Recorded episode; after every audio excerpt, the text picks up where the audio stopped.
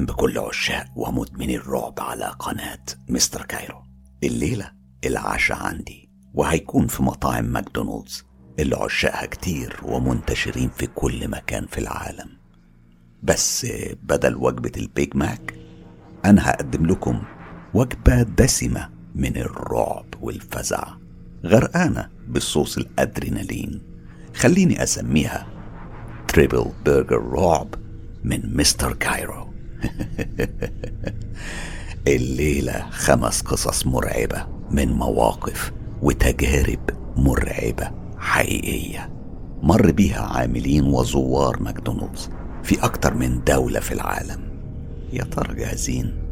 طيب يلا إيه؟ يلا بينا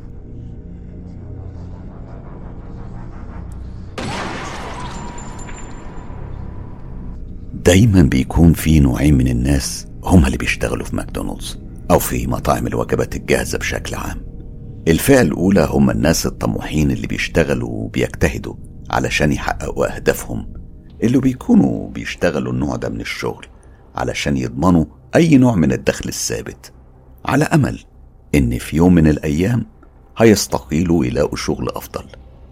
أما النوع التاني وده بيكون الفشلة اللي هم خلاص استسلموا للحياة الرتيبة والروتينية واللي ما عادش عندهم أي أمل إنهم يحسنوا من حياتهم واكتفوا بإن في مرتب يدخل لهم آخر الشهر وخلاص. ما بيحاولوش حتى يفكروا إنهم يحسنوا من حياتهم أو يطوروها. أنا بشوف نفسي من الفئة الأولى خصوصا وإني كنت بشتغل علشان أدفع الإيجار بتاعي. في الوقت اللي أنا كنت بدرس فيه في الكلية في ماكدونالدز في العادة أنا كنت بشتغل الشفتات الليلية وبكون مسؤول عن شباك تسليم الطلبات المخصص لأصحاب السيارات اللي بيدخلوا المطعم بعربياتهم من ممر جانبي بيبقى مخصص للطلبات اللي بتطلب علشان ال take away. وده على فكرة أكتر مكان بيكرهه كل العاملين في ماكدونالدز والسبب إن اللي بيشتغل هناك بيكون مسؤول عن التعامل مع الناس. في الأغلب الناس دي بيكون ما عندهاش صبر وكمان بيكونوا متغطرسين وأسلوبهم وحش قوي. دايما بيكونوا بيتكلموا على تليفوناتهم وهم بيعملوا الأوردر أو ساعات مشغلين الكاسيت بتاع العربية على أعلى صوت. وفي أغلب الوقت ما بيكونوش فاهمين إن مش أنا الشخص اللي أخد منهم الأوردر فبالتالي هي مش غلطتي لو كان الأوردر مش سليم. أضف لده إنك دايما بتكون واقف على رجلك لتمن ساعات كاملين ومعرض لكل التقلبات الجوية. فمهما كان الجو برد هواء أو شتاء أنت لازم تفضل واقف مكانك وتتحمل كل ده. أنا أحيانا كنت بحسد الناس اللي في عربياتهم وكنت بقول لنفسي مفيش أحلى من إنك تكون جوه عربيتك ومشغل التكييف السخن والراديو وما أنتش حاسس بالدنيا حواليك وفاصل تماما عن العالم. عارف إن هي دي سنة الحياة فيه الغني وفيه الفقير فيه اللي معاه ومرتاح. وفيه اللي بيعافر علشان لقمة العيش. بس رسالتي اللي بحاول أوصلها يا ريت نهتم بالناس اللي بتشتغل في أماكن زي دي ونعاملهم باحترام ومن غير مهانة لأنهم بيتحملوا كتير. أيوة أنا عارف إن في منهم الكسالة بس صدقوني والله والله أغلبنا بيحاول يبذل أقصى جهده. طب أقول لكم على حاجة أنتوا يمكن بتتعاملوا معاهم لمدة نص دقيقة مش أكتر. بس والله كلمة حلوة أو حتى ابتسامة ممكن تفرق معاهم اليوم كله. المهم خلونا نرجع للقصة وتفاصيلها الصعبة اللي عشتها في الوقت ده. أنا زي ما وضحت بشتغل في ماكدونالدز شيفت ليلي. بيشتغل معايا في نفس الشيفت ده اتنين من العمال اللي ممكن تصنفهم من الفئة التانية اللي كنت اتكلمت عنهم في أول القصة. أيوة كسالة ويأسين وما عندهمش أي أمل في التغيير. لورا دي كانت سقطة ثانوي ودي كانت دايما بتيجي الشفتات متأخر قوي وعمرها عمرها ما بتركز في شغلها. هادي. ده كان حركته زي اسمه حركته بطيئة جدا ودايما ريحته حشيش. والسبب الوحيد إنه بيشتغل إن أهله كانوا هيطردوه بره البيت لو بطل. هو كان عمره 32 سنة. الليلة اللي حصلت فيها التجربة المرعبة دي أنا كنت شغال بالليل وقاعد جنب شباك تسليم الطلبات. الساعة كانت 12 ونص بالليل وكنا في يناير. الجو كان برد جدا والهوا كان عاصف. أنا كنت جايب معايا مذكراتي. كنت بحاول أذاكر في الوقت اللي مفهوش أي زباين. وقتها كنت بقلب في صفحات الكتاب ومستغل إن جنبي جهاز التحمير بتاع البطاطس علشان أتدفى من الحرارة اللي كانت خارجة منه. لورا كانت بتمسح الأرض في المطعم جوه وعمالة تبص في موبايلها كل دقيقتين. أما هادي كان ورا في الغالب مأنتخ في ركنة من أركان المطعم. في الوقت ده من الليل نادرا ما بيجي زباين. في الأغلب بتكون شفتات هادية جدا ولو حصل إن في زباين في أغلب الأوقات بيكونوا طلبة ومعظمهم بيستخدم ممر العربيات علشان ياخد طلباته يعني ما بيدخلوش المطعم. أنا قمت واتمطعت وبلغت لورا إني هروح أدخل الحمام. الوقت ساعتها كان حوالي واحدة الصبح. بعد حوالي خمس دقايق كنت رجعت ولورا تقريبا كانت لسه في نفس المكان اللي كنت سايبها فيه. أنا عديت جنبها وبعدين حودت علشان أروح لمكاني جنب الشباك. وفي اللحظة دي أنا اتجمدت في مكاني من غير أي حركة خالص. والسبب إني اتفاجئت بوش لازق في الشباك. الوش كان تقريبا لراجل أصلع. كان حاطط بودرة على وشه أو على الأقل ده هو اللي أنا فكرت فيه. لأنه كان يشبه التمثال تماما. الوش كان أبيض أبيض. وكان لابس زنط أسود وكان واقف في مكانه بيبحلق وبيبص جوه من ورا الشباك. عينيه كانت واسعة بشكل ما شفتهوش قبل كده في حياتي كلها. كنت حاسس إنه من النوع اللي بيصنع مشاكل وبيخانق دبان وشه. وبعدها لما شافني عينيه جت في عينيا وساعتها ابتسم ابتسامة مخيفة قوي. وبعدين رزع بكف ايديه على الشباك وبكل قوته. أنا ما كنتش عارف أعمل إيه. أنا كل اللي كان بيدور في دماغي في اللحظة دي كان حالة لخبطة عنيفة. كلمات زي مجنون سفاح سايكوباتي خطر موت كل الكلمات دي كانت عمالة تتنطط جوه دماغي. أفكاري كانت كلها اتكعبلت. وعينيا كانت بتبص له وأنا في حالة ذعر. الشباك الحمد لله كان مقفول ومتربس. وكمان كان الإزاز من النوع المضاد للرصاص زي ما فهمونا فده كمان كان نوع من الحماية. بس ساعتها أنا افتكرت إن أبواب المطعم مفتوحة وإن الكائن أو الشخص ده ممكن يدخل لنا بمنتهى السهولة ويهاجم أي واحد فينا لو حب. أنا طول الوقت كنت عمال أفكر في كل السيناريوهات دي وعمال أبص له هو هو هو ده راجل ولا إيه؟ أنا لما انتبهت إنه صعب إن أنا أحدد نوعه لأن ملامحه كانت مش ملامح راجل وكمان هي ما كانتش برضه ملامح ست. أنا اختلط عليا الوضع تماما يعني أقصد طريقته في اللبس أو المكياج اللي كان حاطه ده لو ده كان أصلا مكياج. شكله كان يلخفن. مرة تانية الكيان اللي واقف بره ده وكان لازق نفسه في الشباك. رزع جامد بإيديه مرة تانية على الشباك. بس المرة دي وبصوت شبه فحيح التعبان كان بيقول لي افتح! افتح! يعني حتى لو كان مش عامل في نفسه اللي هو عامله ده وحتى لو كان زبون عادي أنا ما كانش في أي إلزام عليا إني أفتح الشباك خالص لأن طبقا لقواعد ماكدونالدز ممنوع تقديم طلبات للمارة من خلال خدمة ال drive-thru أو مدخل السيارات. العربيات بس هي المسموح لها بالاستفادة من الخدمة دي. وده مش بس لضمان أمنهم هم لا ده كان لضمان أمن العاملين. أنا هزيت راسي بالرفض ورجعت لورا وأنا مرعوب من منظره وحركاته. وبعلو صوتي ناديت على زمايلي وقلت لهم اقفلوا الابواب بسرعة! اقفلوا الابواب بسرعة! طول الوقت ده حتى وأنا بنادي على زمايلي الكيان ما شالش عينيه من عينيا. وعلى قد ما بحاول أفتكر اللي حصل لسه فاكر إنه ما رمش ولو مرة. كان بيبص من غير ما يحرك عينيه. وبعدين هنا حصل حاجة أنا لحد النهاردة مش لاقي لها أي تفسير. فجأة لقيته بيضحك وفتح بقه. وهنا أنا شفتها. أقصد شفت لسته. كان لونها أسود. أنا طبعا ما كنتش بعيد عنه بحيث ما أقدرش أشوف كويس. لا بالعكس. أنا كنت قريب منه جدا. بحيث إن كل التفاصيل اللي بحكيها دي أنا شفتها بوضوح تام. الشيء ده لسته كانت سودا بلون العرقسوس أسود فاحم وبتلمع. ومرة تانية سمعت صوت الفحيح بس المرة دي كان أعلى كتير من المرة اللي قبلها وكان بيقول نفس الجملة. افتح افتح. بصوت مرعب ومخيف. المرة دي كان بيرزع بايديه الاتنين على الإزاز وكان بيلحس شفايفه بلسانه وبيكرر الكلمة مرة تانية. افتح افتح. الصوت كان خليط ما بين مقرف ومرعب ومخيف.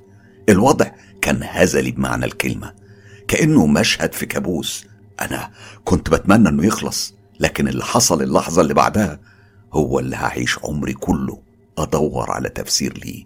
بعد كده هو بيصرخ بكلمة افتح افتح وبيرزع بايديه الاتنين على الشباك. فجأة لقيت إيد تالتة بترزع على الشباك.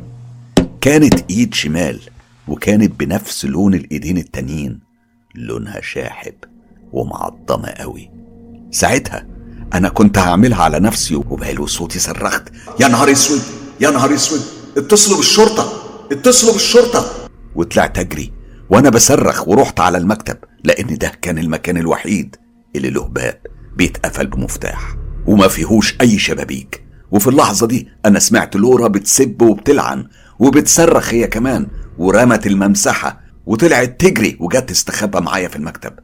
طبعا أصوات الصريخ والهرجلة دي نبهت هادي إن في حاجة غلط. هو كمان طلع يجري وجه جري دخل معانا جوه المكتب وكلنا وقتها قفلنا الباب بالمفتاح وخلينا عينينا متعلقة بالمونيتور بتاع المراقبة اللي واصل بالكاميرات اللي كانت بره. ومن خلالها كنا شايفين الشخص أو الكيان أو ايا كان ده إيه. كان واقف لسه في مكانه عند الشباك. وكان واضح جدا إنه عنده تلات أيادي مش اتنين بس. وكان عمال يحرك راسه لورا وقدام بشكل غريب. تقريبا كان بيحاول يعرف أنا فين.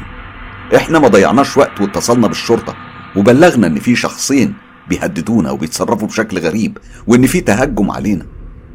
أنا تخيلت إن الموضوع هيخلص بمجرد ما اتصلت بالشرطة. لأن لو ده كان مقلب أكيد اللي عاملينه بمجرد ما يعرفوا إني خفت للدرجة دي واتذعرت وإني اتصلت بالشرطة. أكيد هيهربوا من هنا على طول ومش هيستنوا دقيقة واحدة. لكن الموضوع ما خلصش هنا. إحنا كنا بنراقب كاميرا المراقبة وشفنا الكيان ده وهو بيبعد عن شباك طلبات السيارات. وبعدين توجه ناحية الباب الرئيسي للمطعم. أنا كنت لسه على التليفون بدي الشرطة بيانات الواقعة. فناديت على هادي ولورا وقلت لهم يتأكدوا إذا كان في واحد تاني مع الشخص ده ولا لأ. لورا كانت بترتعش ومرعوبة وعمالة تهرتل بكلام مش مفهوم. أما هادي كان عمال يقول ما كانش في داعي تحشر الشرطة في موضوع زي ده. طبعا لأنه في الأغلب كان شايل حشيش وخايف يتقفش. وفي اللحظة المجنونة والغريبة دي فجأة الكهرباء اتقطعت تماما وكل حاجة حوالينا ماتت. الكاميرات الأنوار الأبواب الكهرباء المبنى كله دخل في حالة موات والضلمة كانت مغرقة كل أركانه بالكامل. ما كنتش تسمع غير صوت صريخنا في بعضنا في وسط الضلمة بشكل هستيري رهيب. وبعدين كلنا سكتنا لما سمعنا صوت خطوات بتتحرك بره في مدخل المطعم وبالتحديد في منطقة خدمة العملاء. هنا أنا همست وقلت لورا أنت قفلت الأبواب بتاعت المطعم. لكنها ما جاوبتش على سؤالي. واضح إنها كانت حاطة إيديها على بقها من كتر الرعب والذعر والخوف اللي كانت فيه. افتح الصوت كنا سامعينه جاي من بره أوضة المكتب. وإحنا في الضلمة ومش شايفين أي حاجة.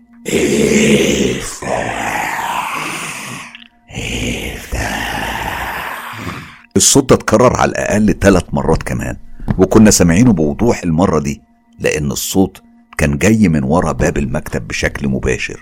وبعدين سمعناه بيتردد بشكل دائري واضح إنه كان بيتحرك بين المطبخ وبين المكان اللي إحنا كنا مستخبيين فيه. في قرارة نفسي. كان عندي يقين إن دي هتكون آخر ليلة ليا في الدنيا. كنت وصلت القناعة إن الكائن أو الشخص ده هيموتنا الليلة. لو الشرطة ما وصلتش في الوقت المناسب دماغي كانت بتودي وبتجيب وشريط حياتي كان بيمر قدامي زي شريط السينما.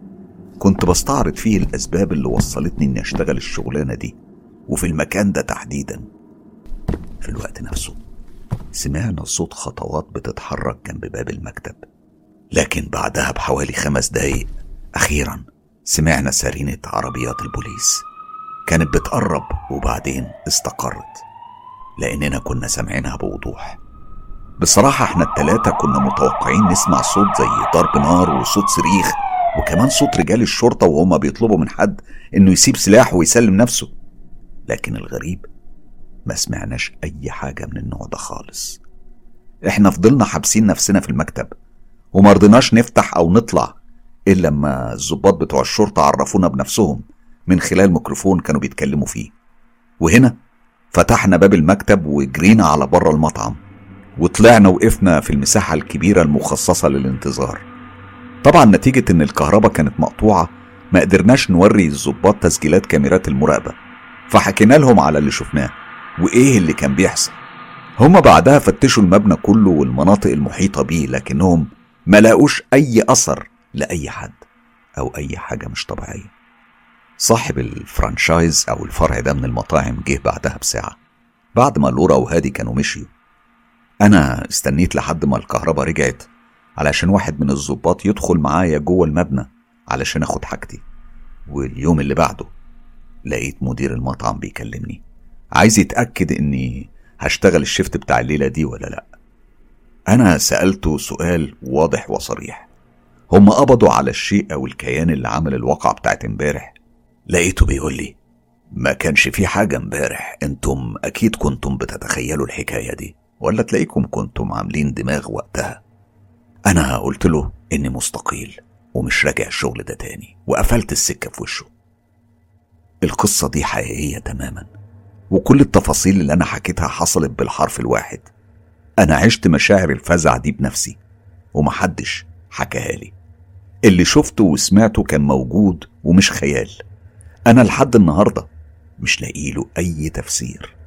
وكمان ما عنديش أي تفسير للكهرباء اللي اتقطعت في التوقيت المرعب ده واللي تسببت في مسح كل سجلات المراقبة تماما من على الكاميرات. واللي من غيرها مديري والشرطة بيخمنوا إن ده ممكن يكون كان مقلب مدبر. لكن حتى لو افترضت إن كلامهم صح لسه موضوع الإيد التالتة ده بيضايقني كل ما أفكر فيه. لأن ملهوش أي تفسير منطقي أو عقلاني. كمان نظرات عينين الكائن ده بكل اللا إنسانية اللي كانت فيهم. عينين كانت كلها شر وبردة وغريبة وكانت واسعة بشكل واضح مش ممكن تتجاهله أبدا.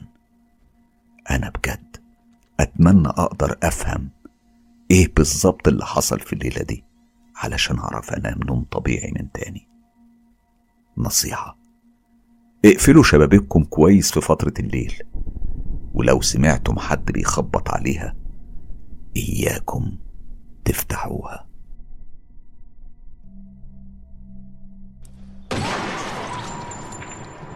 القصة دي من ألمانيا. عمري في حياتي ولا في أكتر أفكاري وتصوراتي المجنونة. ما تخيلت إني ممكن أشتغل الشفت الليلي في ماكدونالدز. لكن ده اللي حصل. أنا اشتغلت هناك. والواقعة دي كانت أغرب حاجة حصلت لي في حياتي كلها. الساعة كانت 3 الصبح. أنا كنت شغال أنا وزميلي مايكل لوحدنا تماما في المطعم. ما كانش في حد غيرنا. أنا كنت مسؤول عن شباك تسليم الطلبات للسيارات. وهو كان بيجهز الأكل في الجزء الخلفي للمطعم. معظم الوقت المطعم كان فاضي ونادر جدا ما كان حد بيدخل خصوصا كل ما الوقت كان بيتأخر كان يعني الناس بتقل جدا. أغلب اللي كانوا بيجوا كانوا سواقين تاكسيات عربيات أجرة ضباط دورية الشرطة. أنا وقت ما حصلت الواقعة دي أنا كنت قدام بنظف ال counter الأمامي. لما سمعت صوت التنبيه إن في حد عايز يعمل order وده معناه إن في حد واقف بره جنب الميكروفون. بيستعد علشان يديني طلباته. أنا قلت في الميكروفون أهلا بيك في ماكدونالدز تحب تاكل إيه الليلة؟ لقيت الرد جالي عبارة عن صوت راجل عجوز بيكح كحة شديدة قوي. أنا قلت لنفسي ده أكيد داخل عليه برد ده ولا إيه؟ كحته كانت عاملة زي كحة السعال الديكي. بس أنا ما اهتمتش ومرة تانية كررت كلامي. أيوة يا فندم حضرتك تحب تطلب إيه؟ مرة تانية ما جاليش أي رد غير الكحة بتاعت السعال الديكي واللي في آخرها حسيتها بتقلب بضحك. فقلت لنفسي يمكن حد بيعمل فينا مقلب. أصل ده شيء متوقع في شفت آخر الليل لأن بيجيلنا فيها ناس غريبة وشخصيات مريضة بتتصرف تصرفات مش ممكن أي حد يتوقعها أبدا. تصرفات ممكن تصدمكم بجد. أنا حتى فكرت ممكن يكونوا شوية عيال بيلعبوا علينا لأن أحيانا كانوا بيجوا يضربوا الجرس اللي في منطقة ممر السيارات. ويطلعوا يجروا ويستخبوا. وساعات كانوا بيجوا يتكلموا في الميكروفون يعملوا أصوات مخيفة ويهربوا. من الآخر يعني فترة الليل والشفت الليلي دول كلهم مشاكل. من نوع ما تبقاش عارف تتوقع إيه وإيه اللي مستنيك وهيحصل لك إيه. أنا رجعت لورا ورحت المطبخ وقلت لمايكل يظهر إن في حد بيهرج تهريج سخيف وملوش أي لازمة وبيحاول يخوفنا. هو بص لي بنظرة اللي متعود على الحاجات دي وبعدين ضحك وكمل اللي بيعمله. أنا لما رجعت لمكاني عند المكان المخصص للأوردرات الدنيا كانت بقت هادية خالص. ما كانش فيه أي صوت فقلت لنفسي أكيد اللي كان بيلعبنا ده زهق بعد ما يأس من إنه يعرف يخوفنا. وأكيد مشى وراح في حتة تانية يضايق حد تاني من اللي بيشتغلوا فترات الليل. بصراحة أنا حسيت بالراحة ورجعت أشوف اللي ورايا. بدأت أنظف لكن مفيش حوالي عشر دقايق والجرس ضرب تاني. رحت رفعت الميكروفون وقلت مساء الخير أهلا بيكم في ماكدونالدز تحب تاكلوا إيه الليلة؟ تاني نفس السيناريو الغريب صوت راجل عجوز بيكح وكانت نفس الكحة اللي عاملة زي السعال الديكي واللي في آخرها زي ضحكة بصراحة في الوقت ده أنا ما كنتش عارف أحدد هي دي ضحكة ولا جزء من الكحة ولا إيه دي أصلا. أنا ما كنتش فاهم إيه اللي بيحصل. أنا هنا كنت بدأت أدخل في منطقة الحيرة يعني مش عارف أتصرف إزاي الوضع كان غريب ورخم خصوصا وإن الكحة بعد ما خلصت كان اللي بيكحها كأنه بيحاول يتكلم. لكن الصوت اللي كان بيطلع ما كانش مفهوم خالص. أنا قلت لنفسي هو إيه جات له أزمة تنفس ولا إيه؟ وقتها أنا قلقي زاد لأني قلت طيب ما يمكن يكون راجل كبير وجات له أزمة ربو أو أي مشكلة صحية. ما هوش عارف يتكلم ويستنجد بينا. وبعدين بدأت أتخيل لو كان محتاج إسعاف أو رعاية طبية مستعجلة. ما كل ده كان وارد وقتها. فعلى طول رحت فتحت الشباك ببطء وطلعت دماغي وبدأت أميل بجسمي لبره على أمل أقدر أشوف أي حاجة. لكني ما كنتش عارف أميز أي حاجة. كل اللي كنت شايفه كانت سيارة فان كده شكلها قديم قوي والإزاز بتاعها كان متفيم بحيث ما تقدرش تشوف مين اللي جواها. كمان كشافتها كانت ضربة في عينيا فكانت مخلياني معمي خالص. ما كنتش عارف أشوف أي تفاصيل بسببها. فدخلت جوه تاني وسألت مايكل إذا كان يقدر يخرج بره ويشوف فيه إيه اللي بيحصل ويتأكد يعني إن الزبون ده بخير وما عندوش أي مشاكل. في الأول مايكل كان رافض تماما وقال لي إنسى يا معلم أخرج مين دلوقتي؟ ما تخرج أنت. ده الجو بره صعب جدا أنت مش سامع الرعد والشتاء شديد إزاي. ده الهوا عاصف هيطيرني لو فكرت أفتح الباب. وبعدين سكت لحظة وبص لي وقال لي بقول لك إيه هطلع أشوف في إيه بس بشرط هشرب سيجارة وأنا بره وتيجي انت يا معلم تشتغل في المطبخ. أنا قلت له ماشي ماشي بس اخلص. شوف الزبون ده ماله ده نفخني بحركاته. كل اللي فاكره بعدها إني شفت مايكل بيسحب الجاكيت بتاعه وكان رايح على الباب. مفيش بعدها بلحظات انتبهت لصوت صريخ عالي زي ما يكون في حد بيتألم. الصوت ده كان مش غريب عليا. الصوت ده كان صوت مايكل. أنا طلعت جري علشان أشوف إيه اللي بيحصل. كل اللي شفته كانت العربية الفان بتتحرك وبتطلع من عندنا بأقصى سرعة. ولما بصيت حواليا بدور على مايكل ما كانش له أي أثر. الحاجة الوحيدة اللي لقيتها من أثره كانت الكاب بتاعه اللي هو جزء من لبس الشغل بتاع ماكدونالدز. كان واقع على الأرض قرب المكان اللي كانت العربية واقفة فيه. ودي كانت آخر مرة شفت فيها مايكل في حياتي كلها. ومحدش شافه بعدها. تحقيقات الشرطة بعد كتير من البحث والتقصي. ما قدرتش تجزم بإيه اللي حصل ولو إن كان في إشاعات إن في مجموعة من عبدة الشيطان في المنطقة دي كانوا بينشطوا في الأيام دي وبيحاولوا يخطفوا بشر علشان يستخدموهم كقرابين بشرية. وإن مايكل اتسجل كحالة من ضمن ثلاث حالات اختفاء حصلت في الفترة دي وإنهم مشتبه في إنهم اتخطفوا للسبب ده.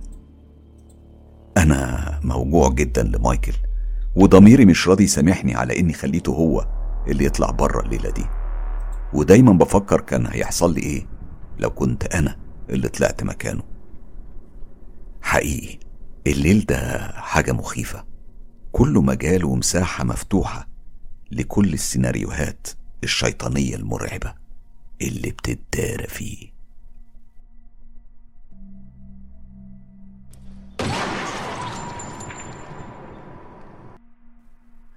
القصة دي من إنجلترا. التجربة المرعبة دي كانت تجربة قصيرة قوي بس كانت مخيفة لأقصى درجات الخوف والفزع. حصلت لي سنة 2014 لكني لسه فاكرها بكل تفاصيلها وقت ما حصلت. ليلتها كنت بقضي السهرة مع مجموعة من أصحابي في البيت. وحوالي الساعة واحدة الصبح كلنا حسينا بالجوع فقررنا ناخد بعضنا ونطلع على ماكدونالدز. نجيب حاجة ناكلها الليلة دي. فقررنا ناخد بعضنا ونطلع على ماكدونالدز نجيب حاجة ناكلها. الليلة دي كانت شتاء والشوارع كانت غرقانة وإحنا كنا ماشيين بالعربية الفان. كنت شايف الأسفلت فيه اللمعة بتاعت انعكاس نور عواميد الشارع على مية الشتاء.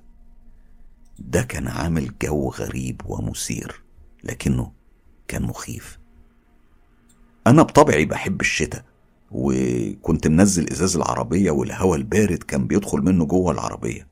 ماكدونالدز ما كانش بعيد عن بيتي حوالي تقريبا 3 كيلو بس. فوصلنا بسرعة. وقتها لاحظت إن المكان المخصص للانتظار كان فاضي تماما. ومفيش صريخ ابن يومين هناك ولا حتى عربية واحدة راكنة. كنا إحنا وبس. حتى المكان المخصص لأوردرات العربيات كان فاضي تماما. أنا بصيت لأصحابي وقلت لهم قشطة إحنا كده هننجز في السريع لأن مفيش غيرنا هنا. مهم جدا إني أوضح إن الفرع ده من ماكدونالدز. على يمينه في منطقة غابات فيها أشجار كثيفة قوي والمبنى لازق فيها. وعلى شمال المبنى المكان المخصص لأوردرات السيارات.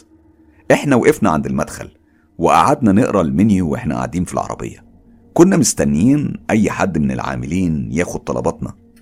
استنينا واستنينا واستنينا. لكن في النهاية محدش جه. ومحدش اتكلم في المايك أو في السماعات. أنا قعدت أنادي وأقول حد هنا؟ حد هنا؟ كنت بحاول ألفت الانتباه إننا موجودين لكن محدش كان بيرد. واحد من أصحابي قال لي بص مش شرط علشان حاطين يافطة بتقول إنهم فاتحين 24 ساعة إنهم يكونوا فعلا فاتحين. يمكن يكونوا قافلين وبيعملوا صيانة أو حاجة. أنا رديت عليه وقلت له ما أعتقدش. أنا بيتهيألي في حاجة غلط الوضع كده مريب ومش سليم أبدا. بصراحة أنا كنت على وشك أقرب من الشباك لما سمعت واحد من أصحابي بيقول لي اصبر اصبر. اسمع كده. أنا على طول حطيت رجلي على الفرامل وبدأت أركز بحاول أسمع. صاحبي كرر كلامه وبعدين قال ده صوت حاجة بتزمجر أنا فكرته بيشتغلني لحد ما لفيت وبصيت للمكان اللي هو كان بيبص عليه وهناك شفتهم.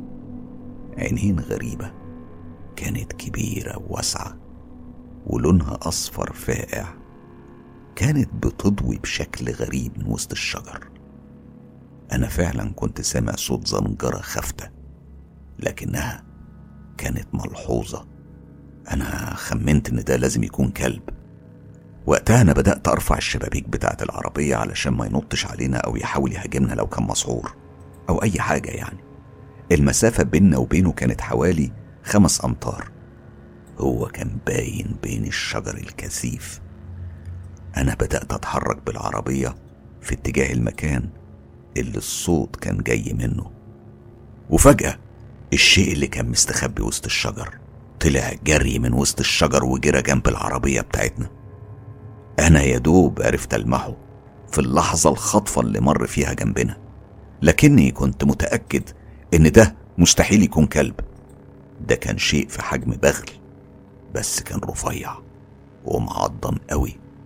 جلده كان أخضر في بني والشعر اللي كان عليه كان متنطور بشكل عشوائي. أنا خليت رجلي ثابتة على الفرامل ورفعت الشبابيك على الآخر لحد ما اتقفلت بالكامل.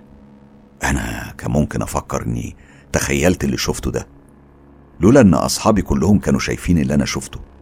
إحنا السكوت حل علينا من رعب المشهد وشكل الكائن الغريب ده. إحنا كنا في حالة ذعر. قعدنا نبص من الشبابيك بنحاول نحدد مكانه لكن ما كانش فيه أي أثر للشيء ده. فقلنا أكيد هو تحت مستوى العين. علشان كده مش عارفين نشوفه ولا نحدد مكانه. في اللحظة دي سمعت صريخ جاي من ورا. كان واحد من أصحابي اللي قاعدين ورا لما لفيت وبصيت اتفاجئت بعينين بتبص علينا من الشباك اللي ورا. كانت نفس العينين الصفرة المرعبة. والشيء ده كان له حاجة تشبه القرون لكنها كانت مدببة وأمامية. كان واقف ومتنح لنا بشكل رهيب ومرعب جدا. إحنا كل اللي عملناه اننا كنا بنصرخ بشكل هستيري من كتر الرعب. ودي كانت اللحظة اللي سمعنا فيها صوت الخبط. الشيء ده كان بيخبط في إزاز الباب اللي ورا. إحنا كنا بنفكر إزاي نهرب. لو نزلنا كنا هنبقى وجها لوجه مع شيء مش معروف إيه هو. ولو استنينا ممكن يكسر الإزاز ويوصل لنا. وفي اللحظة دي الشيء كان غير رأيه ولف علشان يجيلنا من الشباك الجانبي. ودي كانت فرصتي. حطيت إيدي على الكلاكس بشكل مستمر. الصوت كان عالي جدا وفي اللحظة نفسها طورت الموتور ورجعت لورا بسرعة واتحركت بره ال parking بتاع ماكدونالدز. وفي المراية كنت شايف الشيء ده. راجع منطقة الغابات من تاني والضلمة بلعته. بعد ما رجعنا البيت قلنا مستحيل مستحيل نروح ماكدونالدز بالليل تاني. مستحيل ابدا هنكرر الموضوع ده. والشيء اللي كلنا كنا متأكدين منه إن الكائن ده محدش يعرف إيه هو خصوصا وإن عينيه كانت مش عين طبيعية زي عين بقرة أو حصان أو حتى كلب. لا دي كانت عين زي عيون الزواحف والتعابين. إحنا عمرنا ما شفنا حيوان في حياتنا أو حتى في التلفزيون يشبهه ابدا. وبدعي ربنا إني ما اشوفش حاجة زي دي تاني ابدا.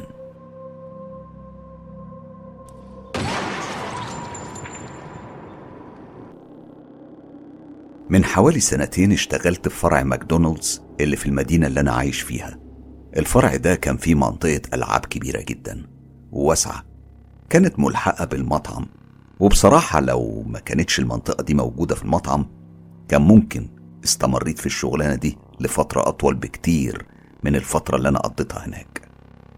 طبعا مش هقول لكم قد إيه متعب الشغل في المنطقة دي وتنظيفها خصوصا وإن الأولاد في العادة مهملين وبيسيبوا المنطقة في حالة سيئة. وكمان ممكن تتخيلوا الوقت اللي بنقضيه في تنظيف وترتيب المكان بكل الأشكال الهندسية والأنابيب الكبيرة الضخمة اللي موجودة فيه. واللي الأطفال بيقضوا وقتهم بيلعبوا جواها وبراها بيتزحلقوا ويتشعلقوا ويتنططوا لآخر القايمة الطويلة من الأنشطة. كمان كان دوري إن لما حد بيعمل عملة من إياهم بتاع الأطفال في الحمامات وبره المكان المخصص ليها. كنت بضطر أروح أجري وأنضفها مكانهم وأعقمها.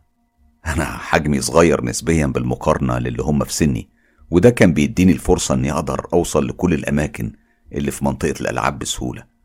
وده كمان كان من الأسباب اللي خلتني حافظ كل تفاصيل المتاهة وتركيبتها في منطقة الألعاب. ومن سخرية القدر إني دخلت الكلية علشان أتعلم أصمم ناطحات سحاب. وينتهي بيا الحال إني أشتغل في ماكدونالدز وبالتحديد في منطقة ألعاب الأطفال. في ليلة وبعد ما خلصت الشغل اتفقت مع واحد زميلي إن إحنا نخرج ونقضي الليلة نتفسح سوا قبل ما نروح. ليلتها وفي الوقت ده كانت منطقة الألعاب مقفولة بالرغم من إن المطعم كان مفتوح. فبدل ما نقعد في العربية وندردش أنا اقترحت على صاحبي نروح نقعد في منطقة الألعاب. وبالفعل جبت المفاتيح ورحت فتحت البوابات بتاعة المنطقة. ودخلنا هناك. وقفلنا الباب ورانا.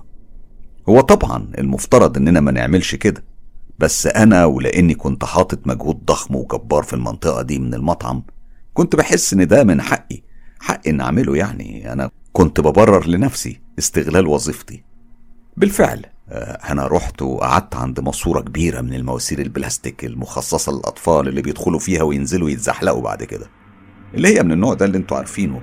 اللي بيطلعوا من جنب وينزلوا من الجنب التاني. زميلي قعد قصادي على دكة. إحنا ولعنا سجايرنا وقعدنا ندردش ونحكي. تقريبا عدوا علينا عشر دقايق وإحنا قاعدين على الوضع ده. بعدها أنا بدأت أتزحزح في مكاني. كنت بستعد علشان أقوم وأقف علشان نمشي. لما فجأة حاجة مسكتني من كتفي بعنف شديد. كانت زي ما تكون إيد كبيرة.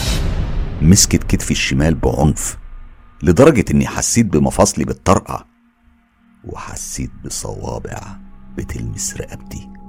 أنا ما حسيتش إلا بصوتي هو بيصرخ وقمت أجري في اتجاه المخرج وكنت بشد الباب بشكل هستيري مجنون لما افتكرت إن أنا قفلته بالمفتاح لما دخلنا جوه وإن المفاتيح لسه في جيبي. وقتها زميلي كان قاعد بيسألني عن سبب فزعي وزعيقي وايه اللي خلاني اقوم فجأة بالشكل ده؟ أنا لفيت وأنا بحاول آخد نفسي بس عينيا كانت متعلقة بالماسورة البلاستيك الضخمة اللي أنا كنت قاعد في مدخلها. كنت متوقع إن حد من زمايلنا في الشغل هيطلع من جواها حالا وهو بيضحك بعد ما عمل فيا مقلب محترم وخضني فعلا. لكن مفيش أي حاجة حصلت. محدش طلع من جواها ولا من براها. ولا من أي حتة. المكان كان ساكن وهادي ومفيش أي أصوات خالص. بعدها أنا قلت لزميلي يجي معايا وطلعنا بره وقفلت البوابة ورايا بالمفتاح وبعدين دخلنا جوه المطعم. وهناك رحت مباشرة على المكتب اللي ورا واللي فيه كاميرات المراقبة. أنا كان غرضي أشوف إيه اللي حصل خصوصا وإن المدخل والمنطقة اللي كنت قاعد فيها كانت متراقبة. بعد خمس دقايق من المراجعة على كل التسجيلات اللي بتغطي 90% من المنطقة اللي كنا فيها ما لقيتش أي حاجة خالص هناك. وقتها قمت متصل بالظابط صاحبي وحكيت له اللي حصل فقال لي طب بص خليك مكانك أنا جاي لك حالا. بعدها بربع ساعة كان جه ورحنا دخلنا في منطقة الألعاب. هو كان جايب معاه كشافات وبدأنا نختبر منطقة الألعاب كلها. لكن برضه ما كانش فيه أي حد ولا حتى مؤشر إن كان في حد موجود من الأساس. أنا كنت مش مصدق اللي حصل وكنت محرج جدا من صاحبي لكني كنت متأكد بنسبة ألف في المية إن في حد شدني الليلة دي. لما روحت أنا ما عرفتش أنام طول الليل. كنت مشغول بفكر في اللي حصل وإزاي أنا حسيت بدراعي وكتفي بيتشدوا الشدة الجامدة والرهيبة. اللي حسيتها وقتها. وتاني يوم الصبح أنا أخدت في بعضي ورحت الشغل. وتاني فتحت تسجيلات المراقبة بس المرة دي قعدت أتفرج عليها من بداية اليوم اللي حصلت فيه الواقعة. لحد وقت ما حصلت. لكن برضه محدش كان دخلها أو خرج منها طول الفترة دي. قبل ما نروح نفتح المكان مرة تانية للأطفال أنا وواحد زميلي رحنا نفتشها بالكامل. لكن مرة تانية ما كانش فيه أي حاجة جواها خالص. منطقة الألعاب دي أصلا متصورة بسور وليها قفل ومحدش يقدر يدخل فيها أو يطلع منها إلا لما يكون متشاف. لأنها ملهاش غير بوابة واحدة للدخول والخروج والسور نفسه طوله حوالي 3 أمتار. يعني هو مش صعب حد يحاول يتشعبط عليه أنا فاهم.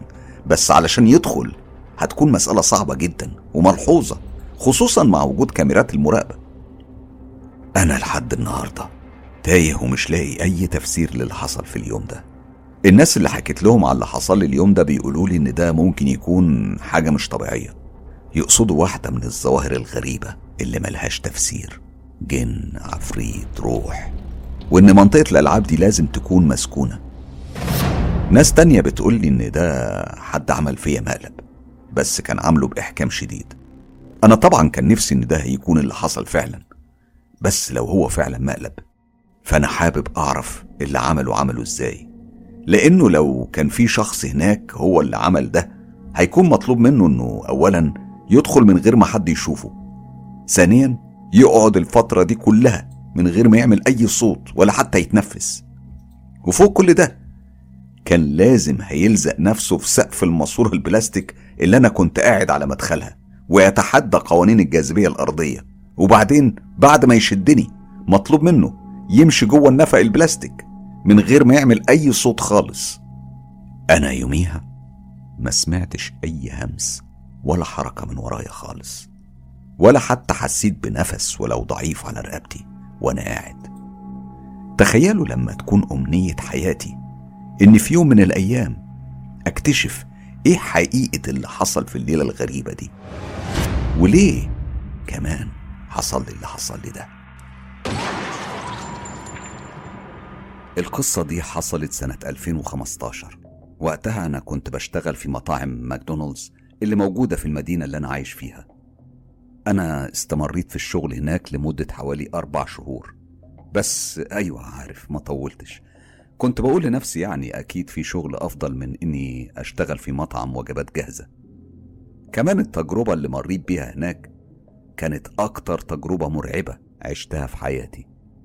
وكانت السبب الرئيسي إني سبت الشغل هناك.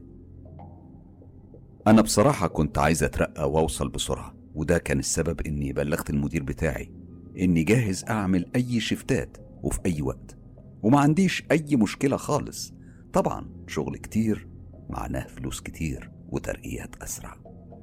المهم في ليلة وعلى حوالي الساعة عشرة بالليل كان ده وقت نومي وكنت بستعد للنوم خلاص. لما جالي اتصال من الشغل بيبلغوني إن في واحد من اللي بيشتغلوا الشفت الليلي اعتذر عن الشغل لظرف طارئ. وكانوا بيسألوني إذا كان عندي استعداد أروح أغطي الشفت ده. أنا وافقت على طول وقمت أستعد علشان أروح الشغل وما ضيعش وقت. أنا عمري ما اشتغلت شفتات ليلية قبل كده. ولا في ماكدونالدز ولا في أي من الوظائف اللي اشتغلتها قبل كده. لكني كنت بقول لنفسي يعني الشغل بالليل المفروض يبقى أسهل. عدد الزباين هيكون أقل بكتير. من النهار. كمان المدير الليلي جون ده أكتر مدير مريح عندنا. يعني من الآخر فلوس من غير تعب. وضحكت في سري وأنا باخد الموتوسيكل بتاعي وبتحرك على هناك. لما وصلت كانت الساعة بقت عشرة ونص. طبعا أنا مضيت حضور ودخلت حامي على الشغل على طول. تقريبا عدت ساعة وشوية. والزحمة اللي كانت في المكان كانت هديت خالص. والمبنى أصبح شبه فاضي. اللي كان ماسك الشفت اللي قبلي سابني وروح.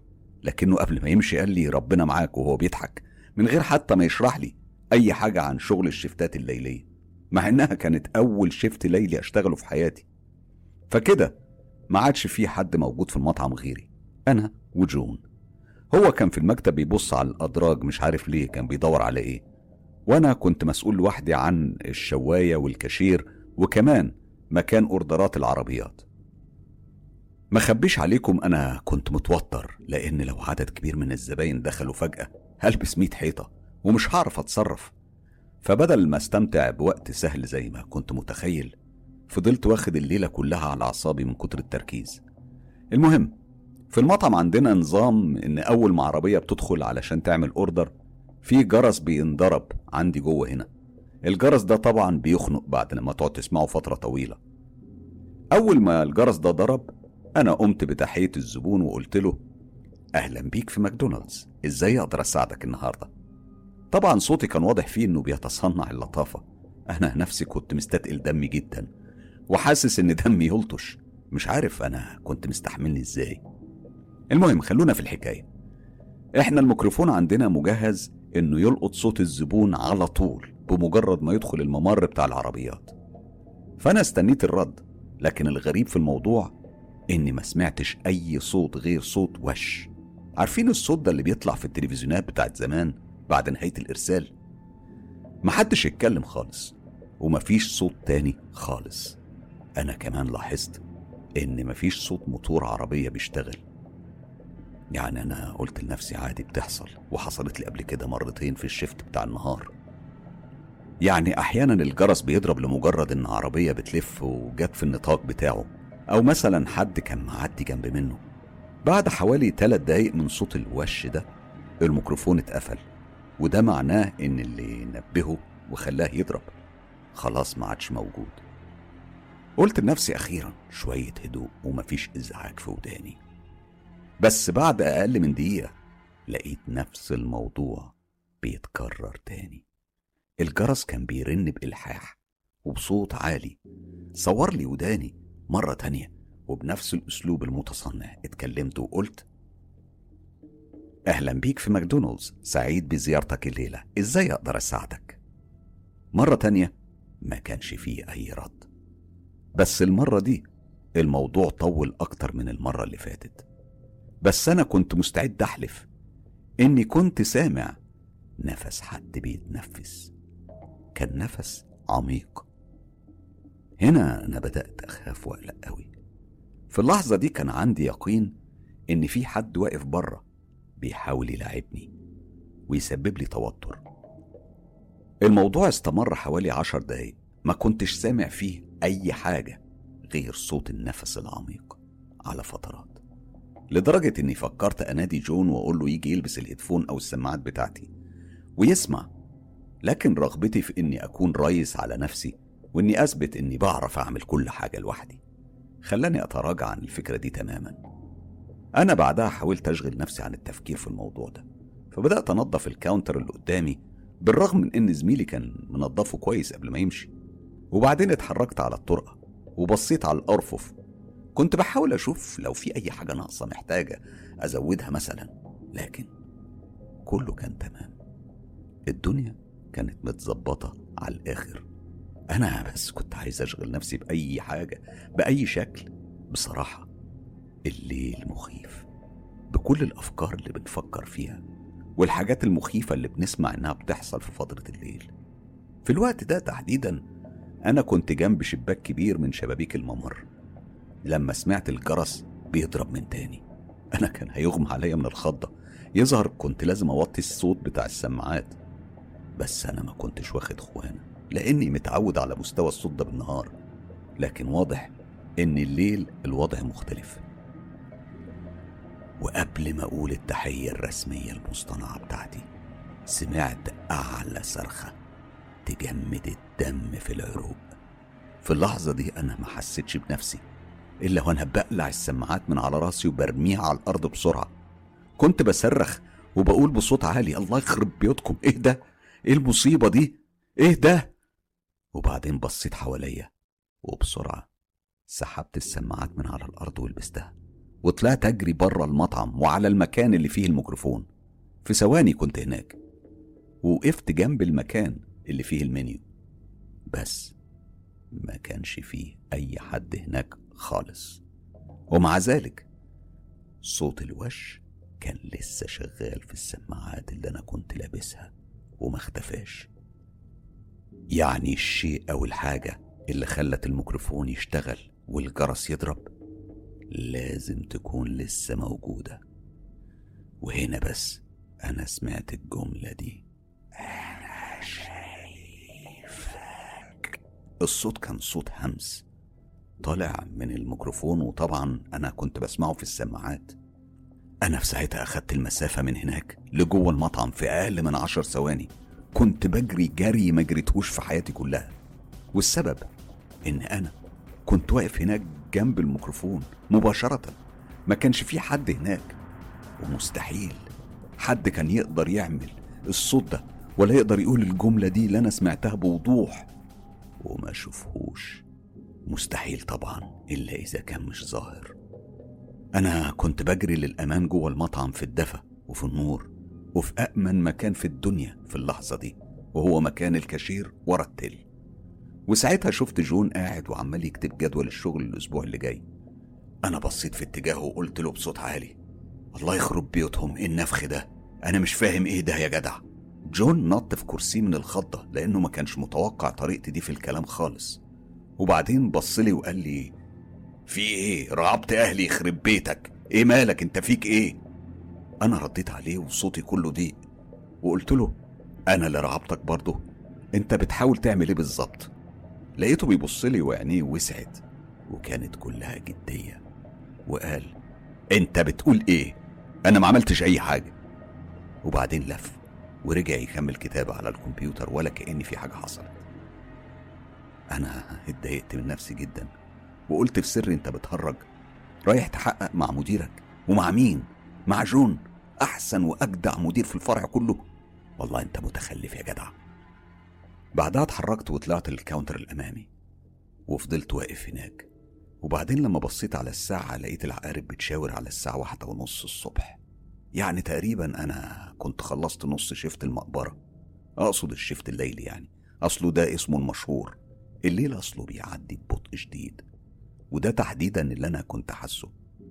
أنا بعد فترة وآخر ما زهقت ومليت من الوقت اللي مش بيتحرك إلا بالعافية.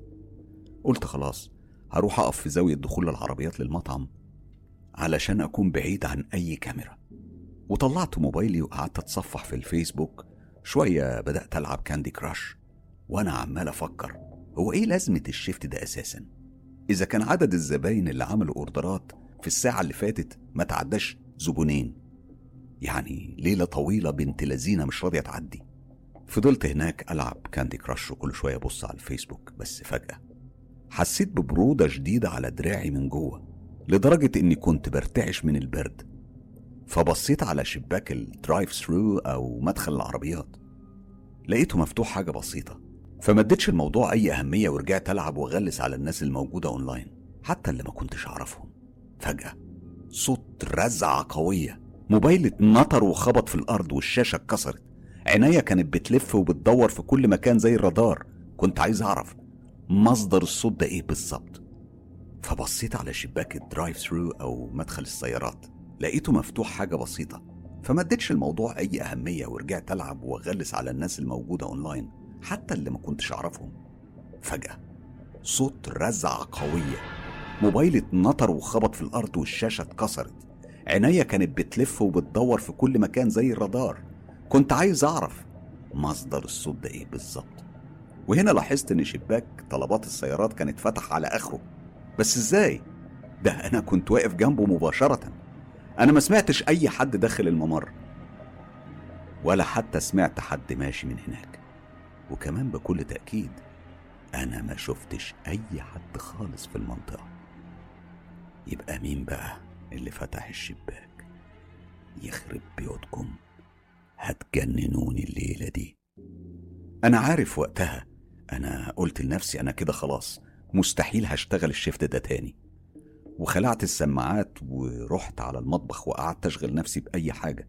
على أمل إن الشفت ده يخلص وأروح.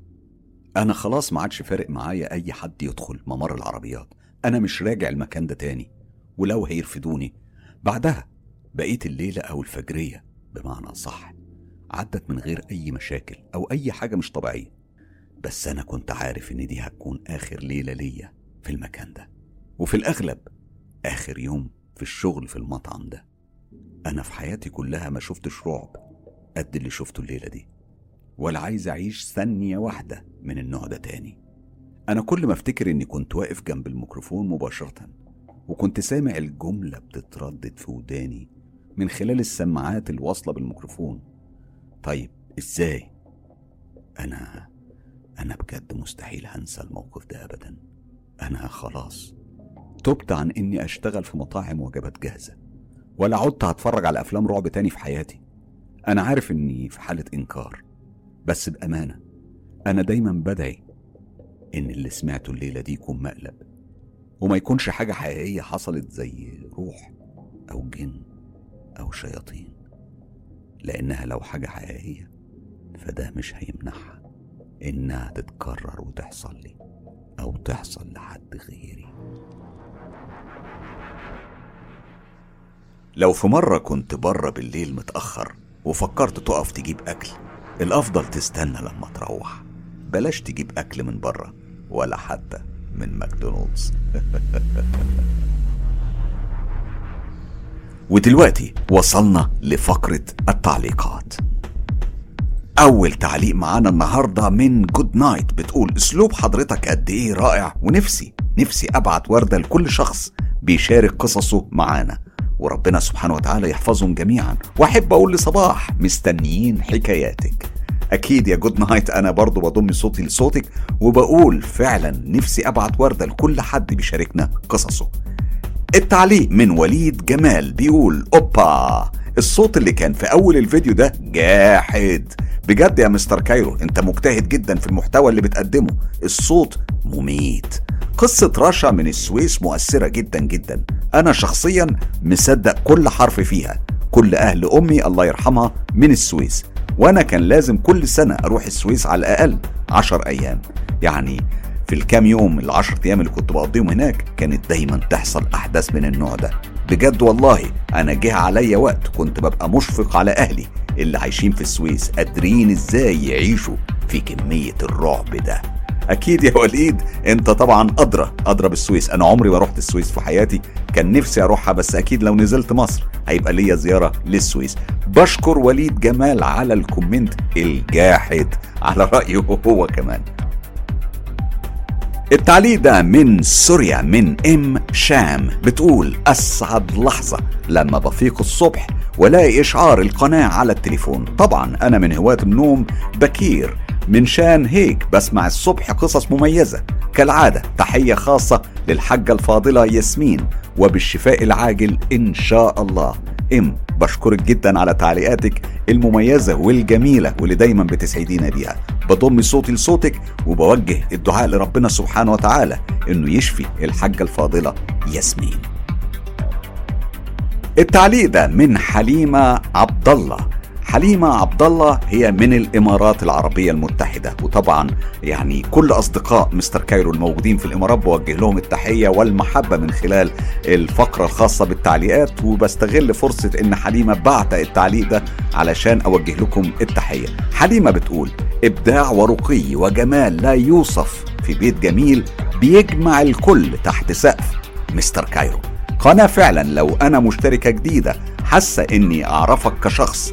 صوتك بيسحر القلب وقريب للروح. الله يحميك ويحفظك يا رب ويوفقك.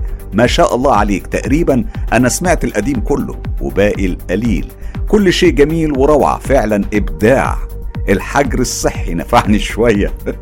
مع رفقتك الجميلة في القصص. حليمة أنا بصراحة تعليقك ده مش عارف أقول إيه. بصراحة تعليق جميل جدا جدا جدا. بشكرك عليه. إلى ما لا نهاية. بروح لشيماء الدليل. شيماء بتقول صباح الخير حسام. متشكرين على كل جديد. ربنا يعطيك العافية وأتمنى لك كل خير وسعادة. وعيد أم سعيد على كل أصحاب مستر كايرو. وأتمنى أقول لكل الأمهات كل الصحة والسعادة وكل سنة وأنتم طيبين. شيماء فعلا بضم صوتي لصوتك أنت كمان. ووجه الدعوة والتحية لكل أم على مستوى العالم. التعليق ده من نرمين نجدي وهي صحفية في جريدة حواديت صحفية بتقول مبسوطة إنك مصري وإننا بنسمع رعب بلهجتنا. بس زعلت لإني كنت فاكرة إن أنت بترد علينا بنفسك. طلع في admin كتير. ال admin الحقيقة جمال جدا. بس كان نفسي أنت اللي ترد علينا. الحقيقة نرمين ال admin مش بيردوا على التعليقات اللي بتنزل على اليوتيوب. الشخص الوحيد اللي بيرد عليكم في اليوتيوب هو Mr. كايرو. اطمنتي؟ أتمنى تكوني بخير.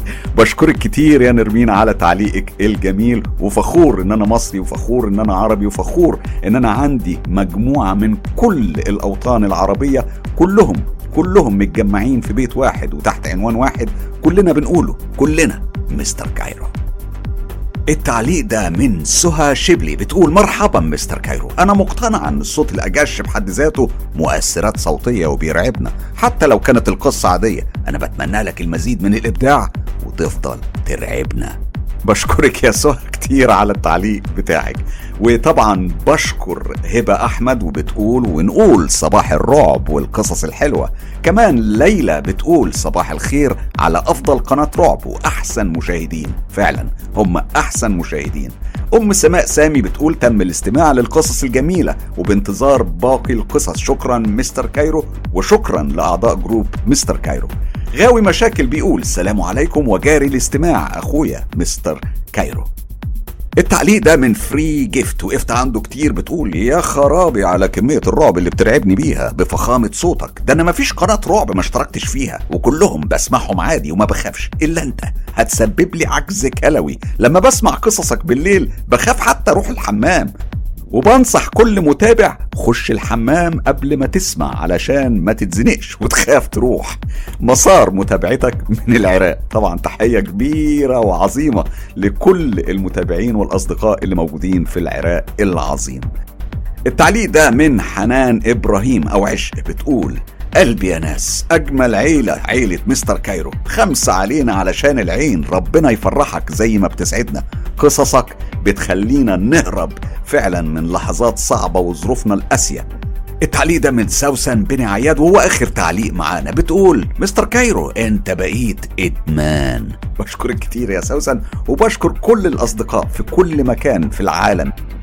لو عندكم تجارب حقيقية وحصلت بالفعل لكم أو لحد من أصحابكم وحابين تشاركوا بيها أصدقاء Mr. كايرو ابعتوا التجارب على الصفحة الرسمية للإعلامي حسام مصباح على موقع التواصل الاجتماعي فيسبوك أو على موقع صراحة أو تطبيق تليجرام كل الروابط موجودة في خانة الوصف. للحصول على كل الحصريات انضموا ل group تجربة رعب مستر كايرو وصفحة هستيريا. قصص رعب على موقع التواصل الاجتماعي فيسبوك. أما لو حابب تدعم تجربة مستر كايرو ادعموا بالاشتراك في القناة والإعجاب بالكليب لو عجبكم. وطبعا share الكليب في كل مكان واتساب ماسنجر إنستجرام وأخيرا يوتيوب. خلي الدنيا كلها تعيش تجربة مستر كايرو.